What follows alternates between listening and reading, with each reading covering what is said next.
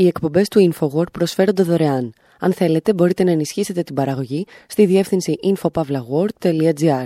Η διεύθυνση infopavlagor.gr. Η εκπομπή InfoWord με τον Άρη Χατζηστεφάνου.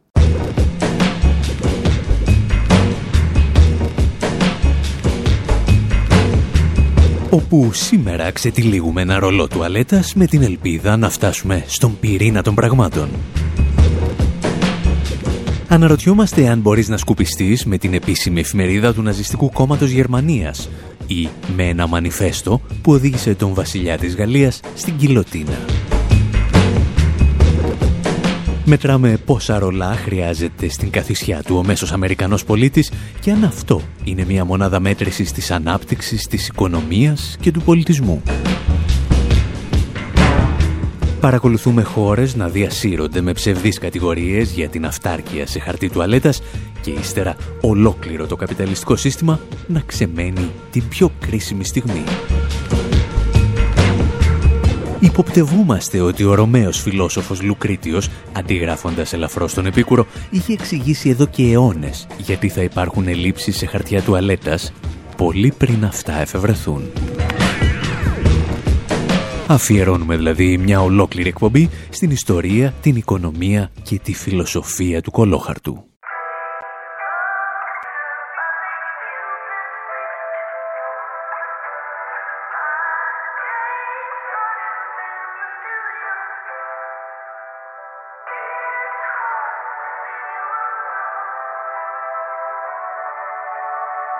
Always act like I don't even exist. If you gave me another chance, I promise you couldn't resist. I don't even know why I continue on to persist. Cause you had to break my heart, so I am sitting here pissed. So I hope you take a razor scooter to the ankle and can't see in the dark, so you step onto a Lego. I hope your movie career is acted by Jared Leto and your ear is beside someone opening up some Doritos. I dream of you having too many chips for your dip, so when you open another case, you got too much for your chips.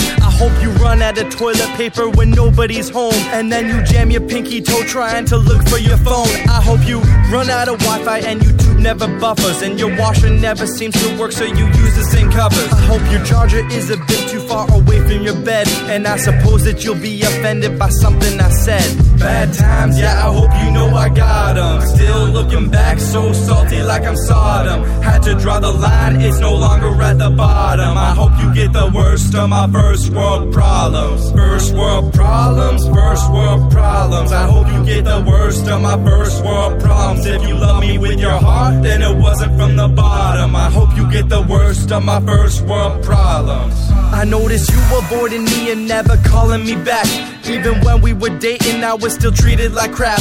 Yeah, I'm done with you, don't want the worst for you at all. In fact, I just want your life rough enough so I can't stand back and laugh. I hope your heat doesn't work and your fingers get cold, so you can't hold on to your phone or use your finger to scroll. I hope you can't copy your notes before the teacher erases the board, and the bread that always rips the only thing you can afford. I hope you lose the remote right before your favorite show, and Jehovah's Witnesses are always coming to your door.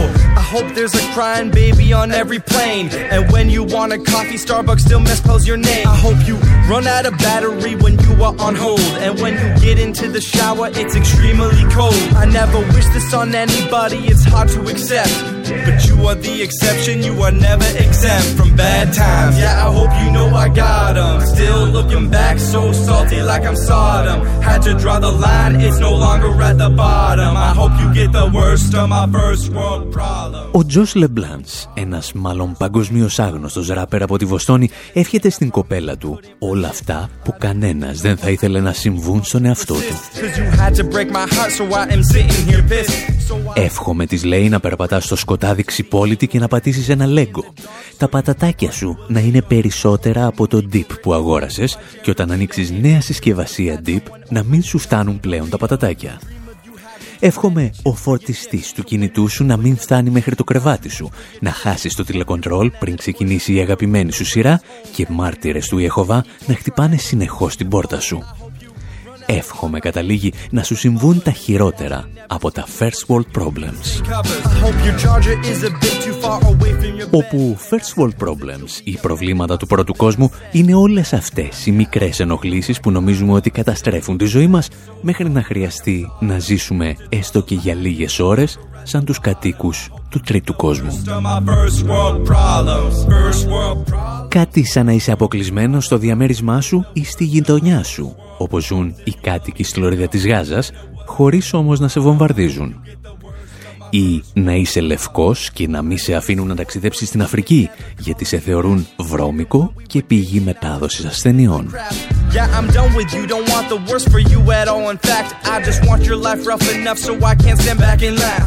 Ανάμεσα όμως στα άλλα προβλήματα του πρώτου κόσμου και τις κατάρες που κατεβάζει ο Τζος Λεμπλάνς υπάρχει και μία η οποία δεν είναι καθόλου αστεία. Εύχομαι, λέει, να σου τελειώσει το κολόχαρτο, ενώ δεν είναι κανένα στο σπίτι. Αυτή ακριβώς η υπαρξιακή ανησυχία φάνηκε να κυριαρχεί σε ολόκληρο τον πλανήτη μαζί με την εμφάνιση του κορονοϊού. Οπότε άδειασαν τα σούπερ μάρκετ από χαρτιά τουαλέτας. Έκτοτε, κοινωνιολόγοι και ψυχολόγοι σε ολόκληρο τον κόσμο επιχειρούν να εξηγήσουν το φαινόμενο με μικρότερη ή μεγαλύτερη κάθε φορά επιτυχία. Κάποιοι υποστήριξαν παραδείγματος χάρη ότι οι μεγάλες συσκευασίες κολόχαρτου προσφέρουν μια αίσθηση πληρότητας και ασφάλειας σε καταστάσεις όπου δεν μπορείς να κάνεις τίποτα για να αντιμετωπίσεις το πρόβλημά σου.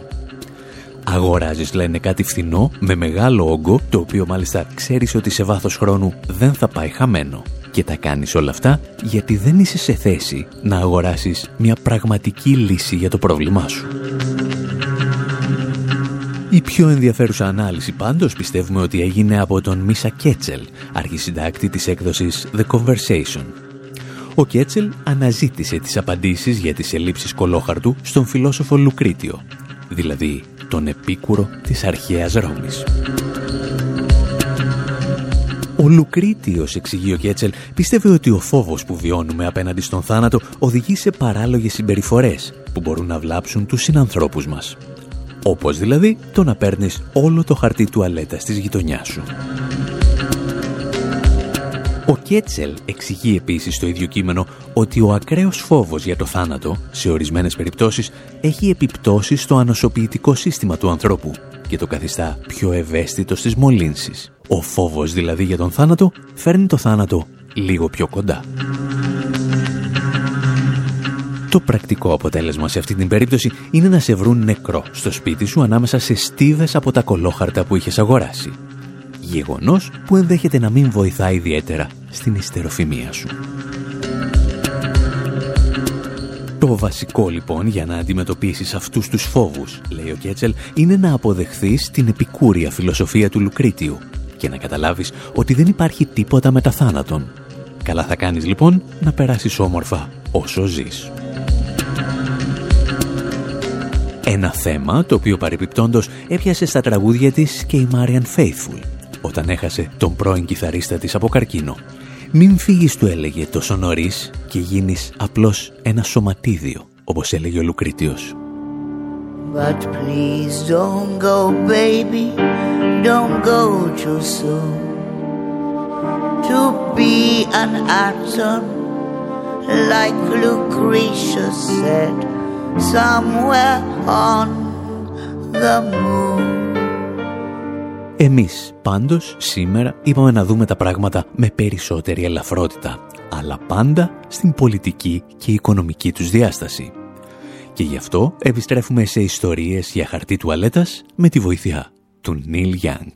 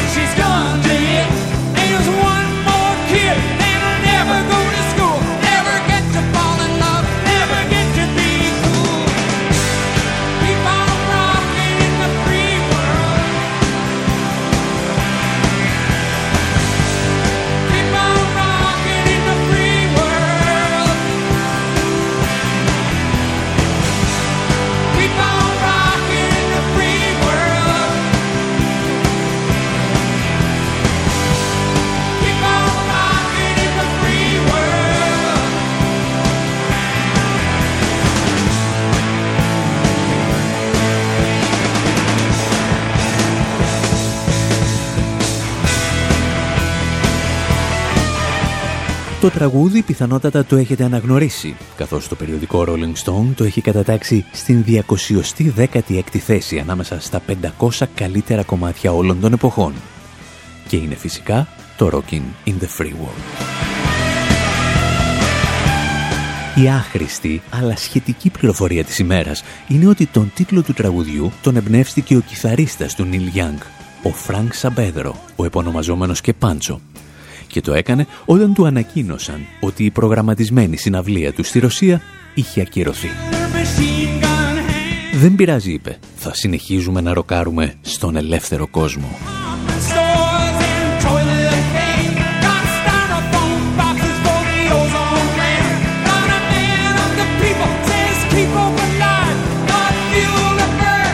Στο ίδιο τραγούδι ο Νίλ Γιάνγκ συνεχίζει τραγουδώντας για μια νεαρή χρηστρία ναρκωτικών η οποία εκπορνεύτηκε και ύστερα από μια ανεπιθύμητη εγκυμοσύνη σκεφτόταν αν πρέπει να αφήσει το παιδί της στο δρόμο. Και αμέσως αντιπαραβάλλει αυτή την εικόνα με τον αμερικανικό καταναλωτισμό. Έχουμε λέει όπλα για να σκοτώνουμε, καύσιμα για να καίμε και δρόμους για να οδηγούμε. Έχουμε πολυκαταστήματα και έχουμε χαρτί τουαλέτας. Και κάπου εδώ το τραγούδι και η ιστορία του αγγίζουν την βαθιά αμερικανική προπαγάνδα για την ευμάρεια και το κολόχαρτο. Ένα μάλλον απλουστευτικό σχήμα που λέει ότι στον καπιταλισμό έχουμε χαρτί τουαλέτας και στον σοσιαλισμό δεν έχουν. In a country where toilet paper has become a hard to find Venezuela's toilet roll crisis is no Bread, laughing matter. medicine, toilet paper. Skated just... 2,500 rolls of toilet paper, 400 Για πολλά χρόνια τα δυτικά μέσα ενημέρωσης υποστήριζαν ότι η Βενεζουέλα είναι μια χώρα στην οποία δεν υπάρχει χαρτί τουαλέτας. Αρκετοί αναλυτές έφταναν μάλιστα σε αιμονικές καταστάσεις και επιχειρούσαν να προσφέρουν και ένα ψευτοαναλυτικό υπόβαθρο στα κείμενά τους για το χαρτί τουαλέτα στη Βενεζουέλα. Το Ίδρυμα Κέιτο, λόγου χάρη, ίσως η πιο εξτρεμιστική μορφή των Αμερικανών Libertarians, έγραφε ότι η έλλειψη χαρτιού υγείας αποτελεί το ανώτατο στάδιο του σοσιαλισμού. Το άκουσαν λοιπόν και εδώ στην Ελλάδα οι μαθητευόμενοι μάγοι του φιλελευθερισμού και δυσκολεύονταν πλέον να ολοκληρώσουν μία πρόταση χωρίς να βάζουν μέσα τις λέξεις Βενεζουέλα και κολόχαρτο. Τα λέγαμε αν θυμάστε στο ντοκιμαντέρ μας Make the Economy Scream.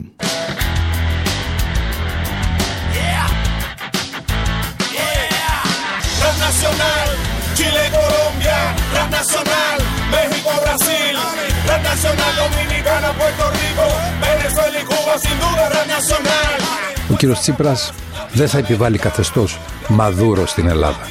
Αυτές οι πολιτικές που εισηγείστε δεν παραπέμπουν στη Σουηδία, στη Βενεζουέλα παραπέμπουν. Ξέρετε τι έβλεπα χθες στο BBC; Έβλεπα που σκοτώνονταν στη Βενεζουέλα για ένα κολόχαρτο.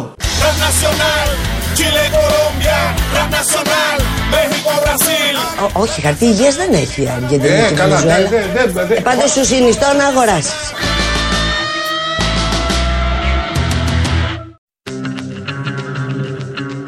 Η αναφορά στις ελλείψεις χαρτιού τουαλέτας σαν απόδειξη της αποτυχίας του σοσιαλισμού είναι παλιά όσο και η Σοβιετική Ένωση. Για χρόνια, δεκάδες ανέκδοτα στις Ηνωμένες Πολιτείες αναφέρονταν στο Σοβιετικό χαρτί υγείας. Το πόσο σκληρό είναι όταν υπάρχει και το πόσες φορές πρέπει να κάτσεις σε μία ουρά για να το προμηθευτείς όταν δεν υπάρχει. Όταν βέβαια προσπάθησαν να μεταφέρουν τα ίδια ανέκδοτα και για την περίπτωση της Βενεζουέλας, τα έκαναν ελαφρώς θάλασσα. Καταρχήν, γιατί η Βενεζουέλα δεν είχε ποτέ σοσιαλισμό. Οπότε θα ήταν περίεργο να ευθύνεται αυτός για τις ελλείψεις σε χαρτί τουαλέτας. Το σημαντικότερο όμως ήταν ότι για όλα τα προβλήματα στην τροφοδοσία της αγοράς ευθυνόταν αποκλειστικά ο ιδιωτικός τομέας. Στη διάρκεια των γυρισμάτων του Make the Economy Scream είχα την ευκαιρία να γνωρίσω την Πασκουαλίνα Κούρτσιο, μία από τις πιο προβεβλημένες οικονομολόγους της Βενεζουέλας. Και αυτή μου εξήγησε για κάτι περίεργες συμπτώσεις στις ελλείψεις βασικών προϊόντων. Nosotros hemos observado que mm, durante los procesos electorales, en el marco de esta guerra económica, que son Έχουμε παρατηρήσει ότι την περίοδο των εκλογών και σε περιπτώσεις πολιτικών αναταραχών, ο οικονομικός πόλεμος εντείνεται. Είναι μηχανισμοί τους οποίους παρατηρούμε από το 2007 και με αυξημένη ένταση από το 2013. Από τότε μέχρι σήμερα έγιναν αρκετές φορές εκλογές. Ένα παράδειγμα αυτών των μηχανισμών είναι η προγραμματισμένη και επιλεκτική πρόκληση ελλείψεων ορισμένων αγαθών στην αγορά, αγαθών πρώτης ανάγκης και ευρείας κατανάλωσης. Ορισμένα προϊόντα αρχίζουν να παρουσιάζουν μεγαλύτερες ελλείψεις στα καταστήματα, παρότι ο ρυθμός παραγωγής τους δεν έχει μειωθεί. Ενώ όμως τα προϊόντα δεν υπάρχουν στα ράφια των καταστημάτων, τα βρίσκει κανείς στη μαύρη αγορά. Συνεπώς έχουν παραχθεί ή έχουν εισαχθεί. Ο στόχος αυτών των μηχανισμών είναι πολιτικό. Θέλουν να επηρεάσουν τις προτιμήσεις των ψηφοφόρων, να περιορίσουν τη λαϊκή στήριξη στην Επανάσταση μέσω των εκλογών. Όταν αυτά τα προϊόντα λείπουν από τα ράφια, δημιουργούνται έτσι μεγάλες ουρές και ο κόσμος δυσανασχετεί.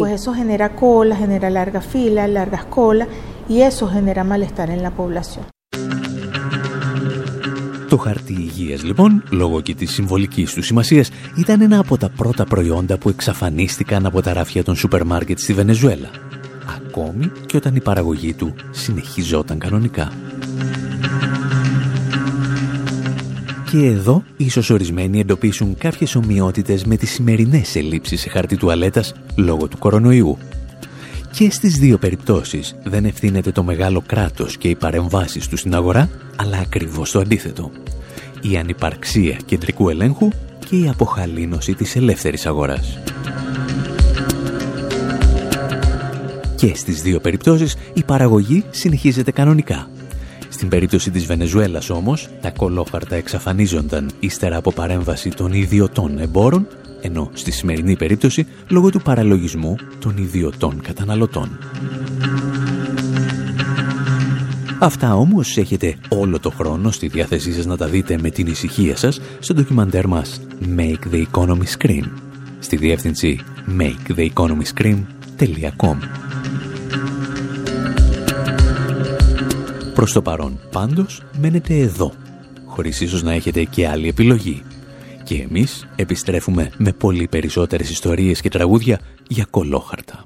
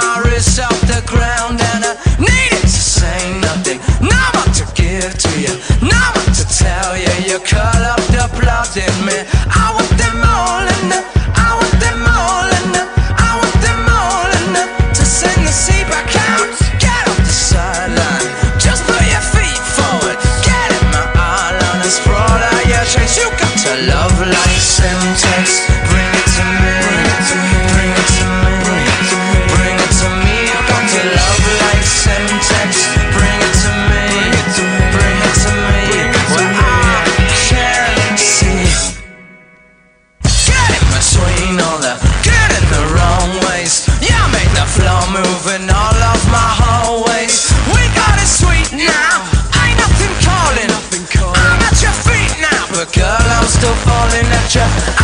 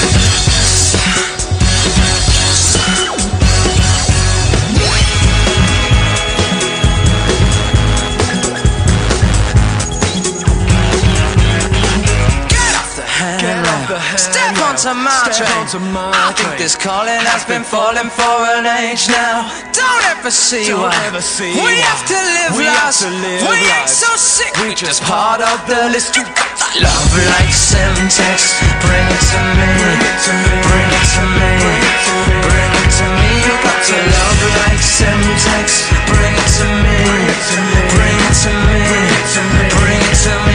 needs a love like Semtex. Bring it to me. Bring it to me. Bring it to me. Bring it to me. It to me. You got a love like Semtex. Bring it to me.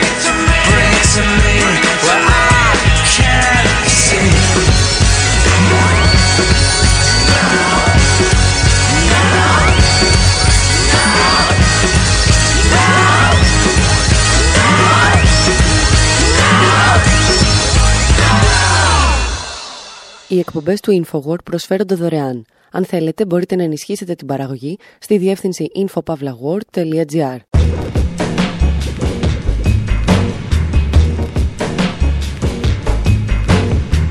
Εκπομπή InfoWord, μέρος δεύτερο.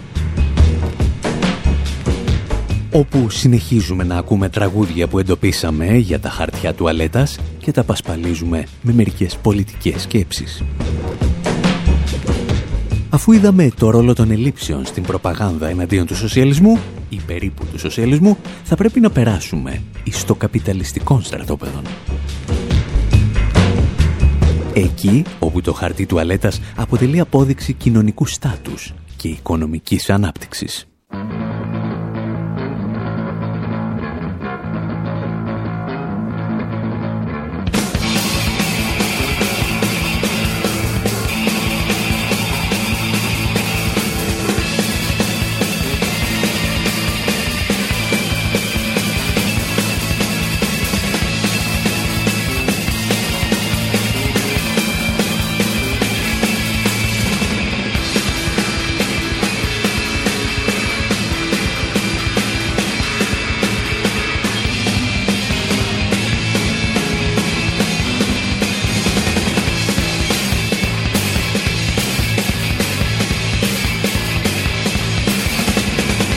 to Washington.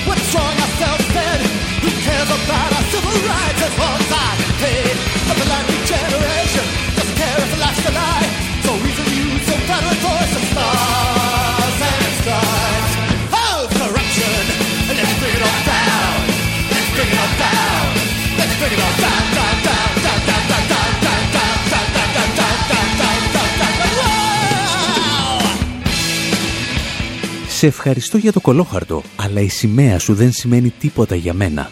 Στο κάτω-κάτω είμαστε όλοι άνθρωποι και δεν χρειαζόμαστε κράτη και σύνορα. Τραγουδούσαν κάποτε οι Dead Kennedys. Ο Τζελομπιάφρα γράφει ίσως το πιο προσβλητικό τραγούδι που έχει κυκλοφορήσει για τα αμερικανικά εθνικά σύμβολα. Ξεκινά κάνοντας την ανάγκη του στον Οβελίσκο που κοσμεί το μνημείο του Ουάσιντον και όταν τα πράγματα χοντρένουν, πιάνει και μια αμερικανική σημαία για να σκουπιστεί. Για την ιστορία, το άλμπουμ Franking Christ, το που ανήκει το τραγούδι, παραλίγο να οδηγήσει τον Πιάφρα στην απόλυτη οικονομική χρεοκοπία, λόγω των συνεχών μηνύσεων και αγωγών που δεχόταν γι' αυτό.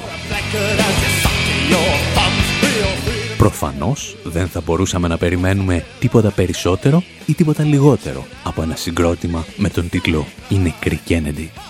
Το να χρησιμοποιεί όμως την σημαία σαν χαρτί υγείας είναι μια πράξη που κουβαλά αρκετούς ιστορικούς συμβολισμούς.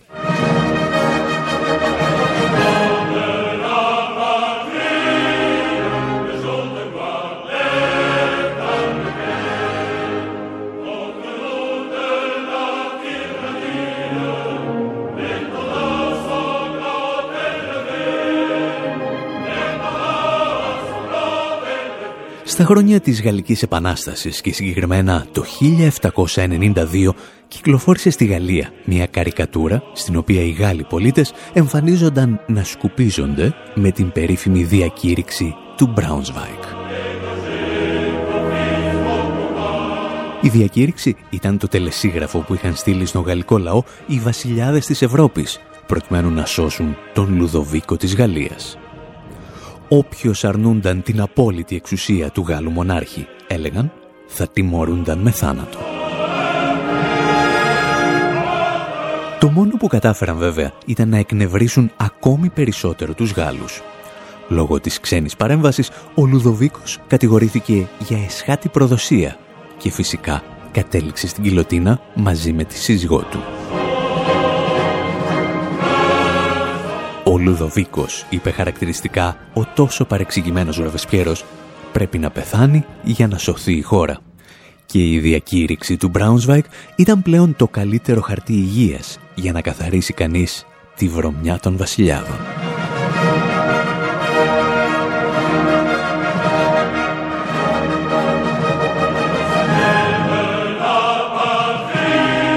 Σε άλλες περιπτώσεις βέβαια η χρήση διαφόρων εντύπων εν είδη κολόχαρτου δεν ήταν τέκνο της οργής, αλλά τέκνο της ανάγκης.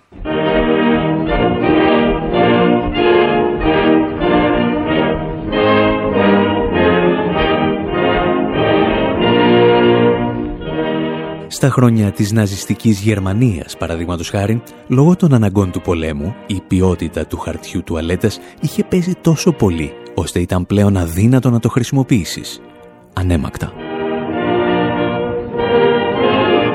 Κάποιοι λοιπόν προτιμούσαν να χρησιμοποιούν την Volkischer Beobachter, την επίσημη εφημερίδα του ναζιστικού κόμματος. Αν και δεν ορκιζόμαστε για την ακρίβεια της συγκεκριμένης πληροφορίας, θα την βρείτε στο βιβλίο του Βρετανού ιστορικού Anthony Reid με τίτλο «The Fall of Berlin». Σε άλλες ιστορικές περιόδους πάντως, οι άνθρωποι έβαζαν και μερικά όρια για το τι μπορείς και τι δεν μπορείς να χρησιμοποιήσεις όταν σου έχει τελειώσει το χαρτί υγείας.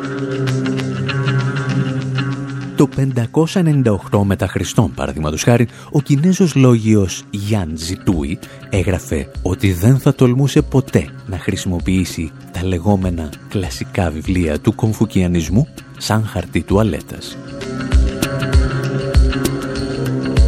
Παρεπιπτόντος, από αυτή του την φράση μάθαμε ότι οι Κινέζοι χρησιμοποιούσαν ήδη από τον 6ο αιώνα το χαρτί στις τουαλέτες. Απόλυτα φυσικό, αφού αυτοί ήταν και οι πρώτοι που το εφήβραν. Παρ' όλα αυτά, η ανθρωπότητα θα χρειαστεί να περιμένει αρκετούς ακόμη αιώνες, ώστε το κολόχαρτο να πάρει τη μορφή με την οποία το γνωρίσαμε και το αγαπήσαμε. Και αυτή τη φορά ήταν αποτέλεσμα της αμερικανικής εφευρετικότητας. While the exact date of the invention of modern toilet paper can't really be pinpointed, the first recorded use of it being marketed to the public. Αν και η ημερομηνία ανακάλυψης του σύγχρονου χαρτιού υγείας δεν μπορεί να οριστεί ακριβώς, η πρώτη καταγεγραμμένη προώθησή του στο αγοραστικό κοινό έγινε το 1857 στη Νέα Υόρκη. Ο Τζόζεφ Καγέτ πουλούσε χαρτί υποτισμένο με αλόι, το οποίο διαφήμιζε ως ιατρικό προϊόν κατά των αιμορροίδων. Πριν από αυτό, οι Αμερικανοί συνήθιζαν να χρησιμοποιούν σελίδες από τον ογκώδη κατάλογο του πολυκαταστήματο Sears.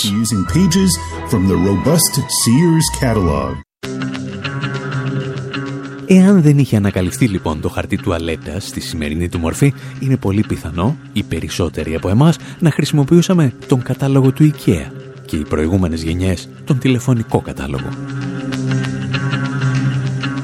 Το κολόχαρτο όμως είναι τόσο αμερικάνικο όσο και η μιλόπιτα για έναν ακόμη λόγο γιατί αμέσως μόλις κυκλοφόρησε στην αγορά από τον Γκαγέτ ξέσπασε μια θύελα μηνύσεων και αντιμηνύσεων για το ποιος μπορούσε να χρησιμοποιήσει την εμπορική επωνυμία. Guyette marketed his product as the greatest necessity of the age. This led to a lawsuit. Ο Γκαγιέτ διαφήμιζε το προϊόν του ως τη μεγαλύτερη αναγκαιότητα της εποχής. Αυτό οδήγησε σε ένα πόλεμο μηνύσεων το 1891 για την πατέντα και τα δικαιώματα χονδρικής πώληση εφεύρεση του χαρτιού υγείας μεταξύ του Γκαγιέτ και των ιών BT Hookland, οι οποίοι ισχυρίζονταν ότι είχαν το δικαίωμα χρήσης του ονόματος του Γκαγιέτ λόγω ενός απλήρωτου χρέους 25 δολαρίων. Έπειτα από χρόνια μηνύσεων, αντιμηνύσεων, εφέσεων και την ανάμεξη του ανώτατου δικαστηρίου της Νέας Υόρκης, ο Γκαγιέτ θα διατηρούσε τα δικαιώματα στην ανακάλυψη του χαρτιού υγείας και το όνομά του θα διαφημιζόταν μαζί με το προϊόν μέχρι το 1920. Σήμερα η παραγωγή χαρτιού υγείας έχει γίνει μια βιομηχανία πολλών δισεκατομμυρίων δολαρίων στις ΗΠΑ. Υπολογίζεται ότι 7 δισεκατομμύρια ρολά χαρτιού υγείας χρησιμοποιούνται κάθε χρόνο μόνο στις ΗΠΑ.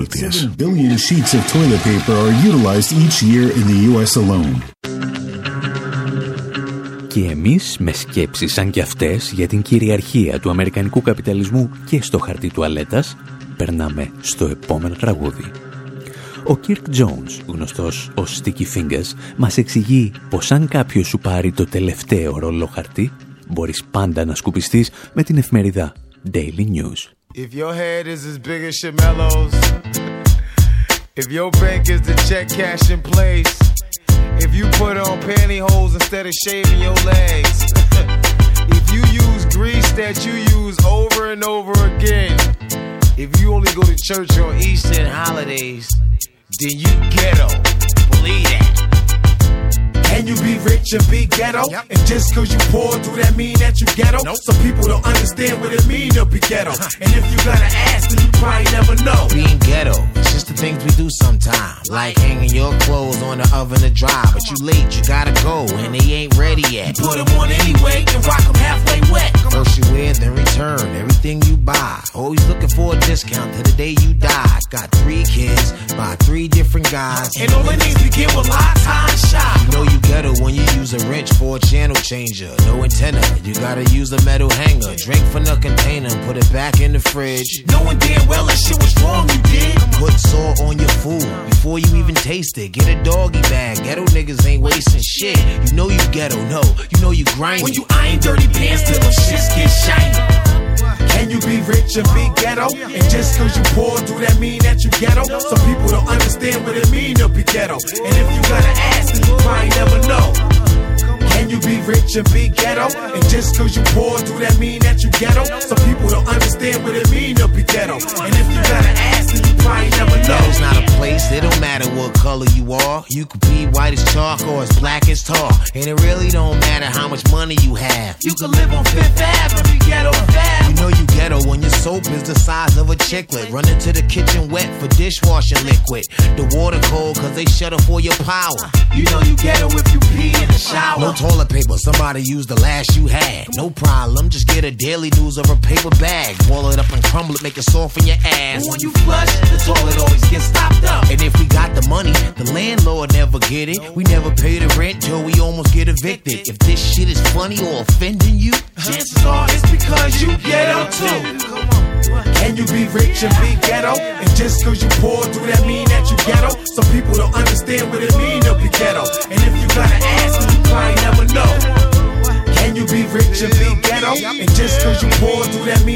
ghetto? Some people don't understand what it mean to be ghetto. And if you gotta ask, then you probably never know.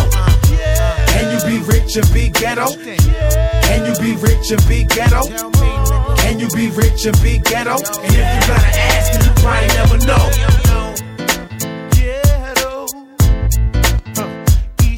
Ο Sticky Fingers λοιπόν εξηγεί ποια εφημερίδα προτιμά όταν του έχει τελειώσει το χαρτί τουαλέτας. Το τραγούδι περιγράφει τις συνήθειες που έχουν κάποιοι μαύροι, οι οποίοι μεγαλώνουν σε γκέτο και συνεχίζουν να τις ακολουθούν, ακόμη και όταν αλλάξουν τάξη και αποκτήσουν τα πλούτη που πάντα ονειρεύονταν. Όπως παραδείγματος χάρη το να στεγνώνεις τα ρούχα σου στο φούρνο ή να τα φοράς βρεγμένα γιατί δεν έχεις δεύτερο ζευγάρι. Να βάζεις μια μεταλλική κρεμάστρα αντί για κεραία στην τηλεόραση και να πλένεσαι με το σαπούνι για τα πιάτα όταν όλα τα άλλα έχουν τελειώσει. Και φυσικά όπως είπαμε ήδη, να χρησιμοποιείς μια εφημερίδα όταν σου πήραν και το τελευταίο ρολό τουαλέτας. Αυτά διηγούνταν ένας μαύρος ράπερ που τα κατάφερε. Γιατί, παραδόξως, ένας λευκός ράπερ που ξεκίνησε από χαμηλά και έφτασε στην κορυφή, είχε ακριβώς την αντίθετη ιστορία να διηγηθεί. Μια κουβέντα με τον Eminem, η οποία καταλήγει και πάλι σε ένα χαρτί τουαλέτας. All aboard! Okay, next stop, my basement. I'll meet you down there! There once was a saying that I used to say back in the day when I met Trey. I used to sit and goof on the phone with my friend Proof that if I wing low, I go right through the roof. He said, What if you went platinum? I'll just laugh at him. That's not happening, that I can't fathom. 80 some million records while later. I'm living in a house with a fucking elevator. Haters getting mad, they done had enough of shady. You slay me, nothing you say matters enough to you shame me. Rappers try to play me, they use Haley as a ukulele. Whoops it out a fucking daisy. That's an no even she knows that is fucking crazy. Fucking animal, cuckoo bananas, fucking AP. Maybe it's because I never had a mother raise me. Fuck around and throw a baby at another baby. You may think it's cause of the way that I was brought up, but it's all caught up to me now. Promise in the waters. Every line I ever said has got me in a corner. You might think it doesn't creep upon you, but it all does. You wouldn't listen, man. I tried to warn you when you started. Now your brain's all haunted cause of all the shit you thought of. Chainsaw slaughters, turn your daughters into sawdust. Never thought it'd come to this. I ought to just be honest, but There once was a saying that I used to say back in the day when I met Trey. I used to sit and goof on the phone with my friend Proof that if I low, I go right through the roof. He said, What if you went platinum? I'll just laugh at him. That's not happening, that I can't fathom. 80 some million records while later. I'm living in And Aiken ain't gonna make it. They get so mad when I call them both fake it. All these fucking voices in my head, I can't take it. Someone shut that fucking baby up before I shake it. You're standing adjacent to Jason slash lead defacing. Together makes them a fucking bad combination. I last at the doctor in my last operation. Shut the Venus schnitzel up his ass, hop the way some. Body, please stop the patient, get the cops to mace him. Homie, I'm the Shizer. Ask Dr. Drazen. I can't lead a game, I just can't walk away, son. No, not the now, not a today, son. I can't believe I leave for one brief second and you pussies queef all over the rap game naked and use a leaf to wipe up the crap stain second. I'll just keep saying the same exact same. Check it. There once was a saying that I used to say back in the day when I met Trey. I used to sit and goof on the phone with my friend Proof that if I low, I go right through the roof. He said, What if you went platinum? I'll just laugh at him. That's not happening, that I can't fathom. 80 some million records while later. I'm living in a house with a fucking elevator. Elevator in my house, smell you later. I blew the fuck up, a hamster in a microwaver. Thinking about an escalator now, steps I hate them. Told the neighbor step away, then I just pepper sprayed them. Yeah, for every time you ride down the street or hide out, drive by my house and beat. Like now, motherfucker, try now to sleep. Lie down, fuck a bed, try counting sheep. And you're trying to find out why now there's beef. Mace in your face, now, pussy.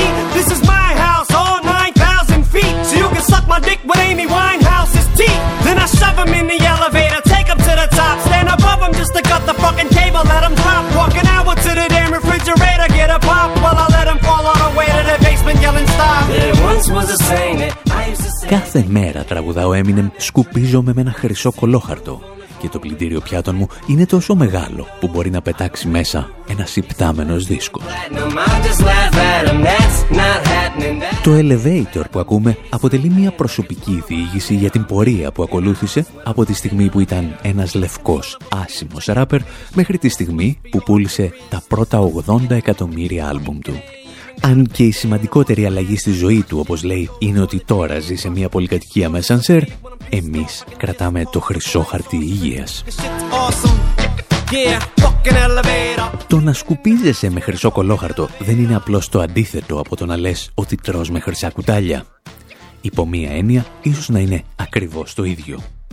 Γιατί, όπως υπήρξαν στην ιστορία χρυσά μαχαιροπύρουνα, υπήρξε και χρυσό χαρτί τουαλέτας και χρησιμοποιήθηκε για πρώτη φορά στο Ντουμπάι.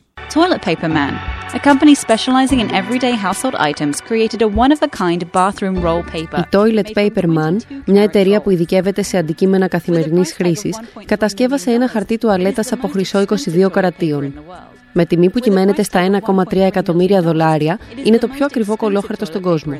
Μια αγορά αποκλειστικά για τις ελίτ.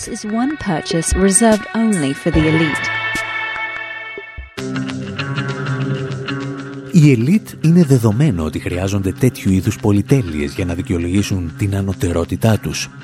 Υπάρχουν όμως και περιπτώσεις όπου ολόκληρα έθνη αποκτούν μια περίεργη καταναλωτική μανία με το συγκεκριμένο προϊόν.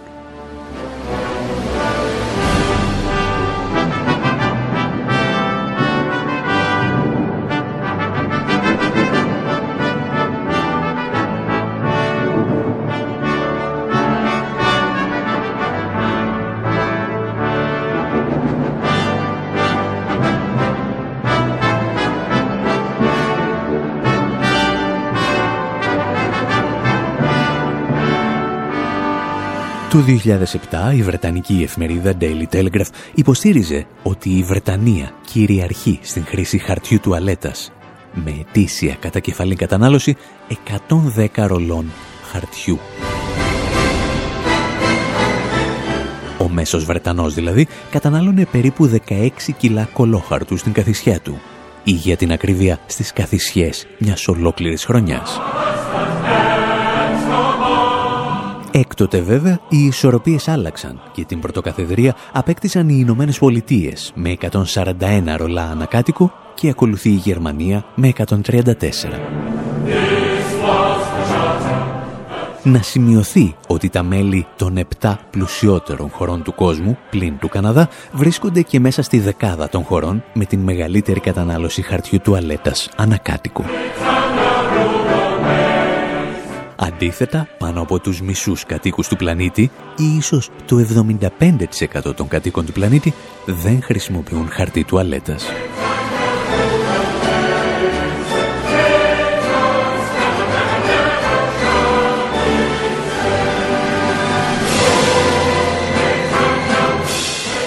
Το πρόβλημα βέβαια με το να έχεις εναποθέσει την ανωτερότητα του πολιτισμού σου σε ένα ρολό από μαλακό χαρτί που τυλίγεται σε έναν κύλινδρο από πιο σκληρό χαρτί είναι ότι κάποια στιγμή τελειώνει το μαλακό και μένεις με το χαρτόνι. Εικόνα η οποία μας επαναφέρει στις ελλείψεις που παρατηρούνται αυτή τη στιγμή σε όλο τον κόσμο. Ελλείψεις για τις οποίες θα τραγουδήσει ο Άντι Ρέχφελτ το τραγούδι του The Wipe Bandits οι ληστές που σκουπίζουν τον ποπό τους. Και αν σας θυμίσει κάτι η μουσική, είναι γιατί την έχει δανειστεί από το Polystrack των Dead Kennedys.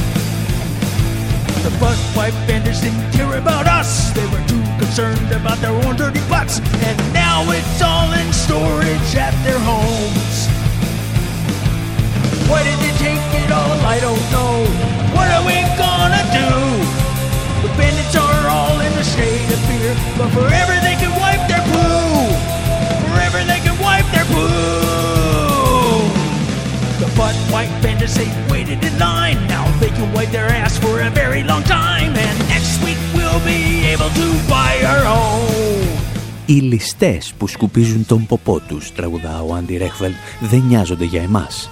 Και έτσι όλα τα χαρτιά τουαλέτας στηβάζονται τώρα στα διαμερίσματά τους.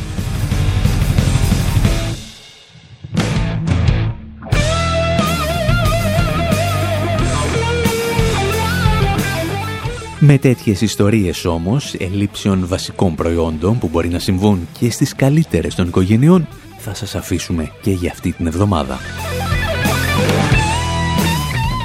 Τώρα που πιθανότατα να έχετε λίγο παραπάνω χρόνο, εκτός αν είστε γιατροί ή δουλεύετε σε σούπερ μάρκετ ή σε delivery, μπορείτε να μας επισκέπτεστε στη διεύθυνση info.pavlawar.gr για να ακούτε τις εκπομπές μας, να διαβάζετε τα κείμενά μας και να βλέπετε τα ντοκιμαντέρ μας. Θα σας αφήσουμε με τον βασιλιά της φανκ, George Clinton, να μας εξηγεί ότι η ψυχή του ανθρώπου είναι ένα τσιγάρο που στρίβεις με χαρτί τουαλέτας. Μέχρι την επόμενη εβδομάδα, από τον Άρη Χατζηστεφάνου στο μικρόφωνο, τον Ανδρέα Κοσιάρη και την Μυρτώ Σιμεωνίδου σε μεταφράσεις και εκφωνήσεις και τον Δημήτρη Σταθόπουλο στην Γενική Τεχνική Επιμέλεια, γεια σας και χαρά σας.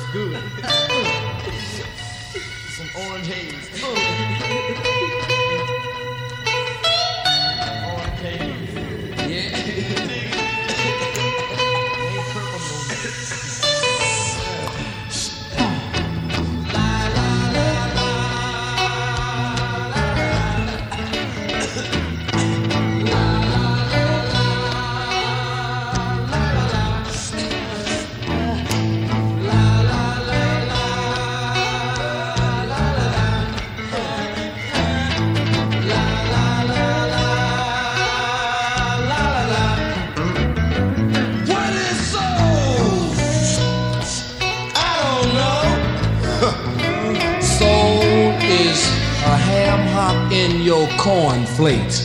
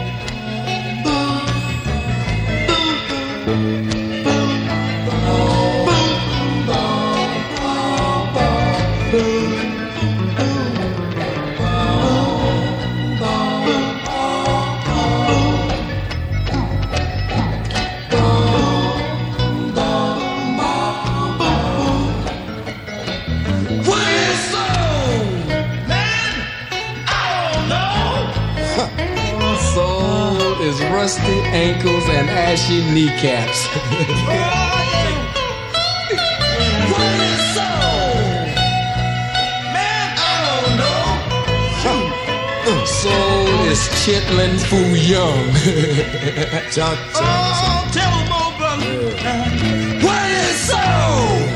Man, I told you, I don't know. soul is a ham hock in your cornflakes. oh, get on down now. yeah.